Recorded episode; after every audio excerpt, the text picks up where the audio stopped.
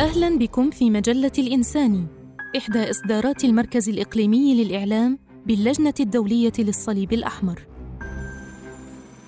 المقالات الصوتية. عدم الإعادة القسرية في ظل الشريعة الإسلامية والقانون الدولي. بقلم أحمد الداوودي المستشار القانوني لشؤون الشريعة الإسلامية والفقه الإسلامي.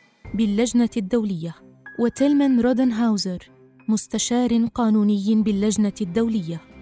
بصوت عبد الرحمن عبيد.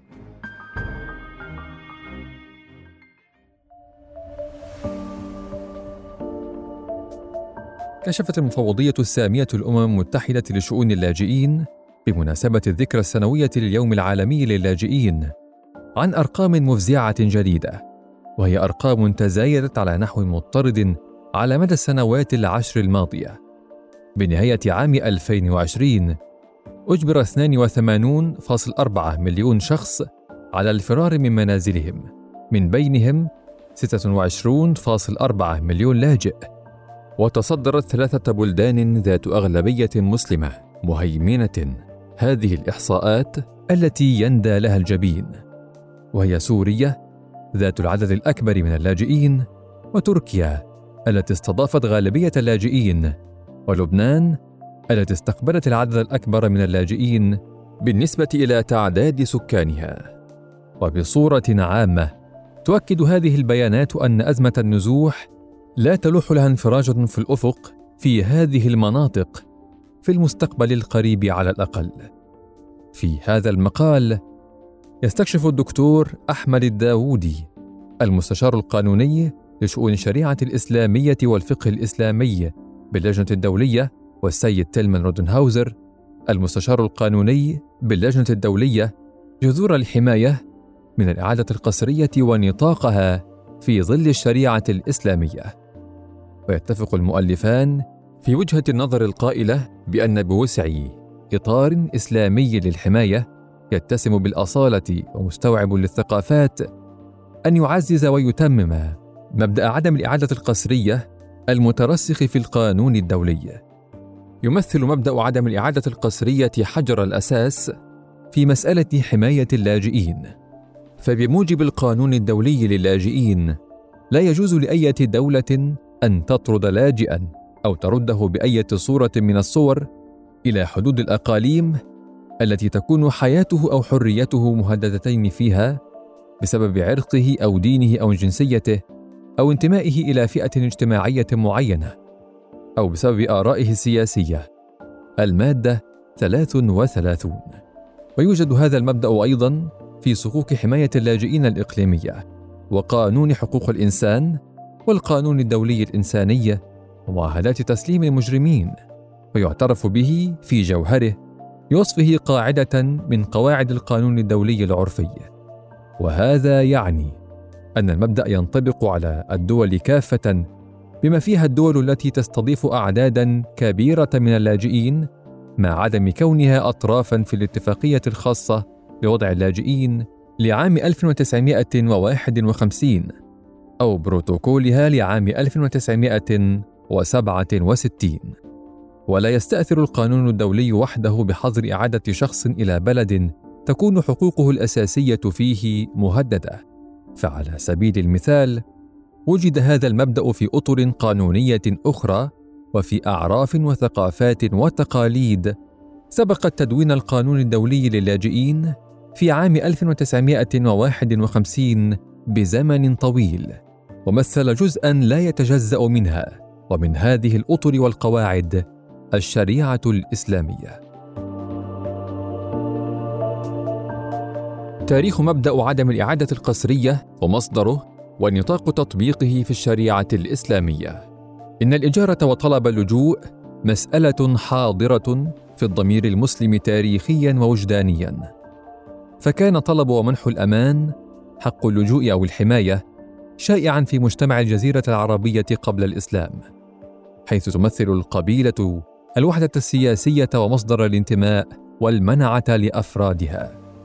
وإذا ما طرد أفراد من كنف قبيلتهم فعليهم التماس اللجوء لدى قبيلة أخرى ليستظلوا بحمايتها. ومن هنا يتضح أن منح الحماية للاجئين كان تقليدا راسخا في الجزيرة العربية قبل الإسلام.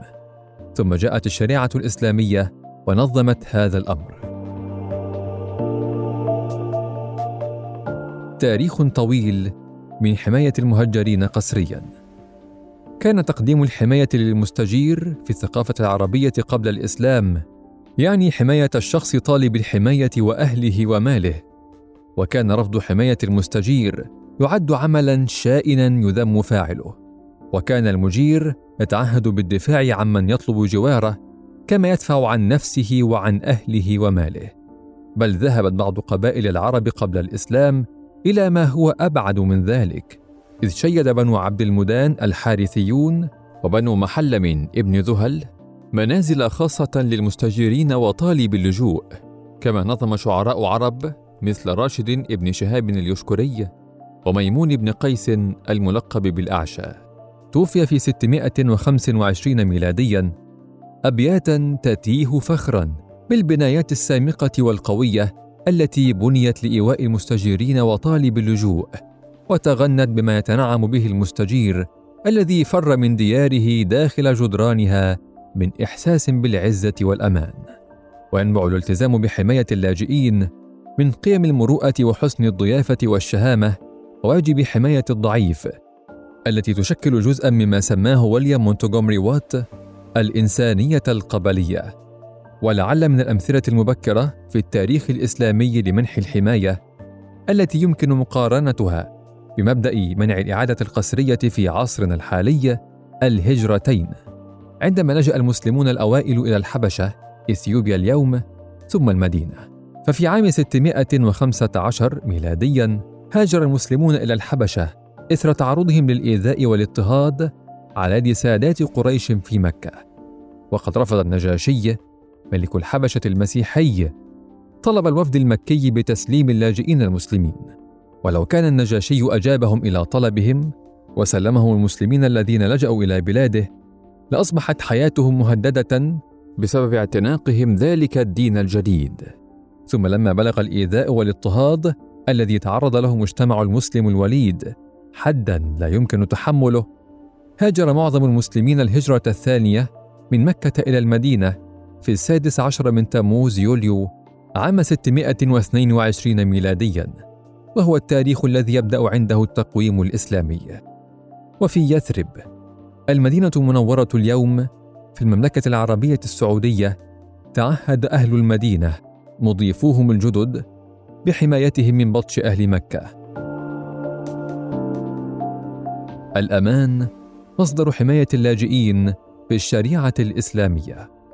ترتكز حماية اللاجئين في الشريعة الإسلامية على مفهوم الأمان ومرادفها الحماية أو السلامة وتشير الكلمة التي تنتمي إلى المصطلحات القانونية في الشريعة الإسلامية إلى مفاهيم مختلفة والأقرب منها للأغراض المذكورة في هذا النص ينطوي على منح حق اللجوء أو الحماية للناس الفارين من ديارهم بسبب تهديد يحدق بأرواحهم وحرياتهم. وبموجب هذا المفهوم للأمان تعالج مناقشات الفقهاء المسلمين الأوائل حالة منح الحماية للاجئين الأجانب غير المسلمين.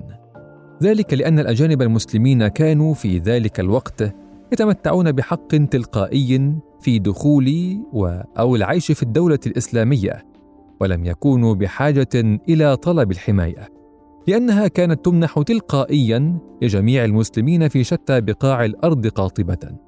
وكذلك للذميين غير المسلمين المقيمون في ديار الإسلام ولأن مفهوم إعطاء الأمان يستلزم في جوهره حرمة حياة وممتلكات الشخص المستأمن اللاجئ أو طالب اللجوء ووجوب حمايتهما فإن الإعادة القسرية تمثل انتهاكًا للحماية الممنوحة في إطار عقد الأمان. نطاق حماية اللاجئين في ظل الشريعة الإسلامية والقانون الدولي. هذه مسألة لا يسعها مقال قصير، وإنما تحتاج للإلمام بأطرافها إلى مقالات عدة. غير أن ثمة قواسم مشتركة واختلافات مهمة بين مفهوم عدم الإعادة القسرية المنصوص عليه في القانون الدولي استنادا إلى المعاهدات وإلى القانون الدولي العرفي ومفهوم الأمان وفق الشريعة الإسلامية وسنلقي الضوء فيما يلي على أوجه التشابه والاختلاف تلك. أولا المستفيد. في حين أن لجميع المسلمين الحق في الإقامة على أراضي الدولة الإسلامية التي تعرف تاريخيا بالخلافة يمنح الأمان للأجانب غير المسلمين بموجب الشريعة الإسلامية. وعلى هذا النحو يستحق المسلمون وغير المسلمين شكلا من أشكال الحماية. وبموجب اتفاقية عام 1951 يحمي مبدأ عدم الإعادة القسرية اللاجئين الذين هم بحكم تعريفهم ليسوا رعايا للبلد محل اللجوء. ويمنح هذا الوضع للاجئ بغض النظر عن دينه. ويحظر القانون الدولي لحقوق الإنسان الإعادة القسرية للاجئ بغض النظر عن جنسيته. ثانيا الأسس التي يقوم عليها مبدأ عدم الإعادة القسرية. بعبارة أخرى الأسباب التي تدفع الشخص إلى طلب الحماية. ذكر الفقهاء المسلمون القدامى أن الهدف من إعطاء الأمان هو حقن الدماء وهو ما يكفل صون الحياة. ويتضمن الهدف أيضا الحماية من الظلم والاضطهاد ويحمي مبدأ عدم الإعادة القسرية وفق اتفاقية عام 1951 الأشخاص من الاعاده القسرية إلى مكان تكون حياة اللاجئ أو حريته مهددتين فيه بسبب عرقه أو دينه أو جنسيته أو انتمائه إلى فئة اجتماعية معينة أو بسبب آرائه السياسية. وجاء القانون الدولي لحقوق الإنسان ليوسع نطاق هذه الأسس بدرجة أكبر. ثالثا السلطة المانحة للحماية وفق مبدأ عدم الاعاده القسرية تمنح السلطات الإقليمية الدول عادة الحماية من الإعادة القسرية بموجب القانون الدولي. في المقابل يحق لسلطات الدولة الإسلامية والأفراد المسلمين في ظل الشريعة الإسلامية منح الأمان على الترتيب لمجموعة أو فئة بأسرها. أمان عام تمنحه السلطات ولأفراد اللاجئين أمان خاص يمنحه الأفراد العاديون. ويشترط بعض فقهاء المالكية موافقة سلطات الدولة على منح الأفراد المسلمين الأمان لأي شخص غير أن ذلك يظل مخالفا لرأي الجمهور. رابعا الاستثناءات بموجب الشريعة الإسلامية. يتعين قبول طلب اللجوء ولا يمكن سحبه إلا في حالتين. إذا اشترك اللاجئ في أعمال عدائية أو ارتكب أعمال تجسس. وتقر اتفاقية عام 1951 كذلك باستثناءات معينة من وضع اللاجئ ومن مبدأ عدم الاعاده القسرية. على سبيل المثال عندما يشكل اللاجئ خطرا على أمن البلد الذي يوجد فيه أو لاعتباره يمثل نظرا لسبق صدور حكم نهائي عليه لارتكابه جرما استثنائي الخطورة خطرا على مجتمع ذلك البلد. وحتى عندما يسحب الأمان الممنوح أو بعد انتهاء مدته في حالة الأمان المؤقت نجد في القرآن الكريم الآية السادسة من سورة التوبة امرا بمرافقة المستأمن إلى مكان يضمن فيه سلامته. ومن هنا نستنتج أن الإسلام يحرم إعادة شخص قسريا إلى المكان الذي فر منه وحيث تكون حياته وحريته مهددتين. ويمكن إلى حد ما مقارنة هذا بوجه التفاعل بين القانونين الدولي للاجئين والدولي لحقوق الإنسان. فمبدأ عدم الإعادة القسرية في ضوء القانون الدولي لحقوق الإنسان لا يدع مجالا للاستثناء من هذا الحق أو الانتقاص منه. وهو حق لكل فرد يوجد تحت ولاية الدولة بغض النظر عن وضعه القانوني. وعلى هذا النحو فإن الشخص الذي تجوز إعادته وفق قانون اللاجئين قد يظل مستحقا للحماية من الإعادة القسرية بموجب قانون حقوق الإنسان. من خلال هذه المناقشة الموجزة يظهر أن مبدأ عدم الإعادة القسرية كان قانونا معمولا به في الثقافة العربية قبل الإسلام وكذلك في ظل الشريعة الإسلامية لأكثر من خمسة عشر قرنا. وعلى الرغم من وجود اختلافات جليه بين مفهوم الأمان وفق الشريعة الإسلامية ومبدأ عدم الإعادة القسرية حسب ما ورد في مصادر مختلفة في القانون الدولي يظل وجه التشابه الأكثر أهمية هو وجود مفهوم عدم الإعادة القسرية الأساسي في مجالي التشريع الذي يقضي بعدم جواز تسليم شخص تكون حياته وحريته معرضتين للخطر إلى جلاده. وفي ضوء العدد الحالي للاجئين في البلدان والسياقات المسلمة قد يكون من المفيد الجمع بين استخدام الأطر القانونية والأخلاقية الإسلامية والثقافات المحلية والتقاليد لكفالة الحماية للاجئين بالإضافة إلى العمل الدؤوب من أجل تحقيق احترام الإطار القانوني الدولي القائم. فالشريعة الإسلامية تقدم اطارا قانونيا لحماية اللاجئين بوسعه نشر وتعزيز الجهود التي يبذلها المجتمع الدولي حاليا لحماية اللاجئين في البلدان والسياقات المسلمة. لا شك أن الأطر القانونية والأخلاقية الإسلامية تؤدي دورا بارزا في الحياة اليومية لمئات الملايين من المسلمين حول العالم. وإن رد الطرف عن أثر هذه الأطر الإسلامية قد يفضي إلى مفاقمة محنة اللاجئين وبالنسبة إلى المنظمات الدولية وخبراء القانون الدولي الذين يغطي عملهم سياقات مسلمة ولكن تعوزهم الخبرة في الشريعة الإسلامية فإن بلورة هذا الفهم واكتساب تلك الخبرة سيضيف فائدة ملموسة في سبيل كفالة قدر أفضل من الامتثال لقواعد القانون الدولي وتحقيقا لهذا المسعى.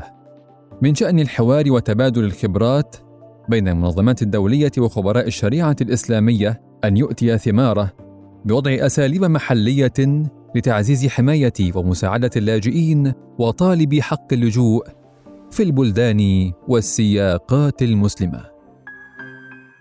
شكرا للمتابعة.